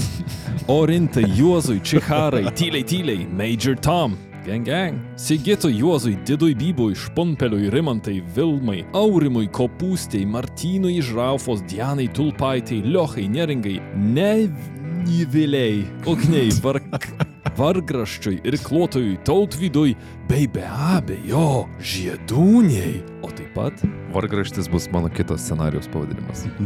Tai yra kiekvieno scenarijaus tikrasis. Templeitas taip galėtų būti. O paruošęs vargraštis. O taip pat. Neringai kasiai, arūniai, katablankui su katablankiukais, pelėdžiukam, liudai, mantui, daivai, mantvidui, emilijonai, justinai, biednai bet teisingai, Martinui, Godai, Ratsvilai, Giedriui, Erikai, Tomui, Mišyko. Ramikiai, Artūrui, Julijai, Duke Silver, Uodo pateliai, Dainorai, Liniui, Augicui, Duonatui, Justinai, Nemuilink čia man akių, Benediktai, Mantūsai, Marijui, Darijui, Eksybo, Laimonui, Laimonui, Laimonui. Laimonui, laimonui. Pikabų Zebų, Kamilai, Birutei, Eimantui, Viktorijai, Birutei, Baronui, Povilui X, Gang Gang, Neringai, Nikštukų fabrikėliui, Vaidui, Auksuokliai, Viktorijai, Serbentinai, Laurinui, Rapolui, Gerdai, Barškului, Mindugui, Brigitai, Gretai, Renatui, Max Galingumui, MG, Vanago, Vanagiai, Donatui, Jurgitai, Tadui, Vaidotui, Vinrčkui, Dezoksiribonu Kleinui, Mm, šaunuolis. Pirmą kartą. Kiprui, Simai, Migliai, Pauliui, DJMTV, Akviliai, Živiliai, Monikai, Tomui, Gang, gang. Adeno zintrifosfatui. O, Swear to God. naujas. naujas. Tai kažar tiesiog Siribonų kleinas pažįsta. Pusbroliai. Simonai, Artūrui, Donatui, Džiugui, Mindogui, Koldūnų vagiui. The worst kind of. Lietuviška The Hamburglar versija. Bet ar vagia iš lėkštės, ar iš kameros, žinai? Gal galės atsakyti? Gal galės vagis? Kiekvieno bendrabučio e, Siaubas. siaubas jo. The perfect villain. Tam būdėtojų reikia. Domantui, ačiū. Reinaldui, Martynui, Reptilijui, Ugniai, Kraujospūdžiui, Kotrynai, Šarūniai, Pikto senio, Piktai Bobai. Vytautui, Austėjai, Gabrieliui, Lagaminui, Pauliui, Arnui, Kosmoso kumeliai, Bučinskaitai, ponui Jori Kompostui, Medžiui, Rasai, Justinai, Rūtai, Vilitai, Vaitsui, Antanui, Urtai, Egliniai, Viktorijai, MD, Pauliui, Renatai, Audriniui, Mr. Mindogui J, Vikai, Kornelijui, Rimai, Giedriui, Kestui, Linai, Aušriniai, Arštikiui, Migracijai ir mašinistui, Jolitai, Mantui Kul, Aušriniai, R. Breideriui, Justai Pripūstai, Editai Zabirkai, Sestin. Tavo veidas buvo vertingiausia to skaitimo dalis. Ispaniškai perskaityti. Jo, visiškai. Net lūpas tavo. Džiugui, Giedrai, Šliaužytai, Sandrai, Karliui, Ramintai, Maiklui Skotui, Indrai Kristinai, Ingridai Ondariui, Daugelieniai, Tėvo Vamžiui, Juditai, Eimantui, Midilfartui, Miestas Danijai. Taip, a, Gretai Bagdo, Matui, Antropikui, Doviliai, Rekui, Demoškinui, Nutaigi Tomuigi, Gang, gang.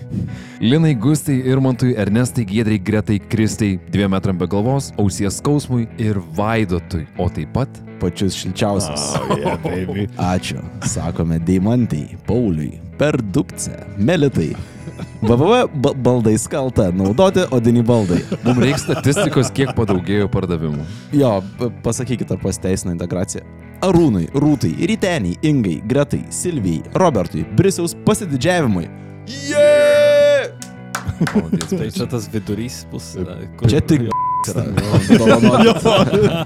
Aš galvoju, kad jis galas apima. Nėra, jis toks didelis, kad čia yra atskira detalė. Jo.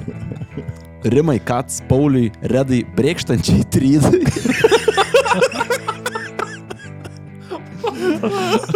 Šitas naujas. Jo, Šitas naujas tikrai Bus naudojama. neprašauta. tokį maironio plunkstos vertas. Agniai, Daviliai, Arnui, Pijui, Mindaugui, Daviliai, Egliai, Meškiai, Donelaitai, Robertui, Augustijai, Miki Pūrui, Geruliai, Brisius Lenciūgui, Justui, Vytutui, Krapui Tardantų, Dariui, Agniai, Dėdį Tomui, Gang, gang. Mantui, Akučkaitai, Tadzi, Kuti, Kuti, Kuti, Kuti, Kutis.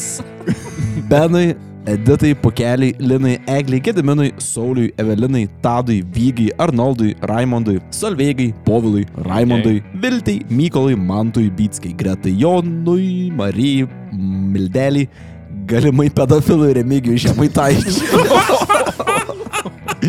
Allegedly. Maladėts. Macnei. Matsnei, matsnei. Aušrai, Daviliai, Albinui, Iman Zyman, Elijai, Martynui, Rokui, Irmantui, Videopunk, Dievojo Gurkui, Gailiai, Inai, Monikai, Pisimantui Makštučiui, Sau, Remigijui, Dariui, Inesai, Gintai, Ritai, Egliai, Aidai, Kristinai, Skirmantai, Monikutei, Viliui, Emantui, Alvitai, Mariui, Vytutui, Julijai, Egliai, Tomui, Gang, gang. Tomui, Gang, gang. Robertui, Povilui, Gang, gang. Jorindai, Gretai, Mildai, Mažintui, ne, ne, atsiprašau, Mažintui, uždėtas skirtis, Andreliui, Dominikui, Rasai, Arūnui, Justai, Marijui, Mariui, Sak my BBs. A. Gudru. Arminui, Šarūnui, Rūtai, Auritai, Justinui, Venskūnaitai, Mirandai, Kugiui Mūgiui, Mikui, Ainui, Eirimiai, Justinui, Domantui, Rolandui, Gabrieliui, Benui, Tomai, Abarieniai. Medoniui, Greitai, Akviliai, Nešiai Pindriai, Rasai, Ufanautui, Edvinui, Sauliui, Arvidui, Burbalicious, Nastiušai, Brigitai, Linai, Vaidui, Simonai, Voltaire Punk, Dr. Known, Giedriui, Lincijai, Aistai, Nerijui, Donatui, Markui, Gabrieliai, Antai Ingridai, Gretkai, Agnietiai, Upė Cat, Jurgitai, Karoliui, Gabijai Migliai, Simui, Jovitai ir žinoma Eimantui. Visiems jums ačiū. Ačiū. Ačiū.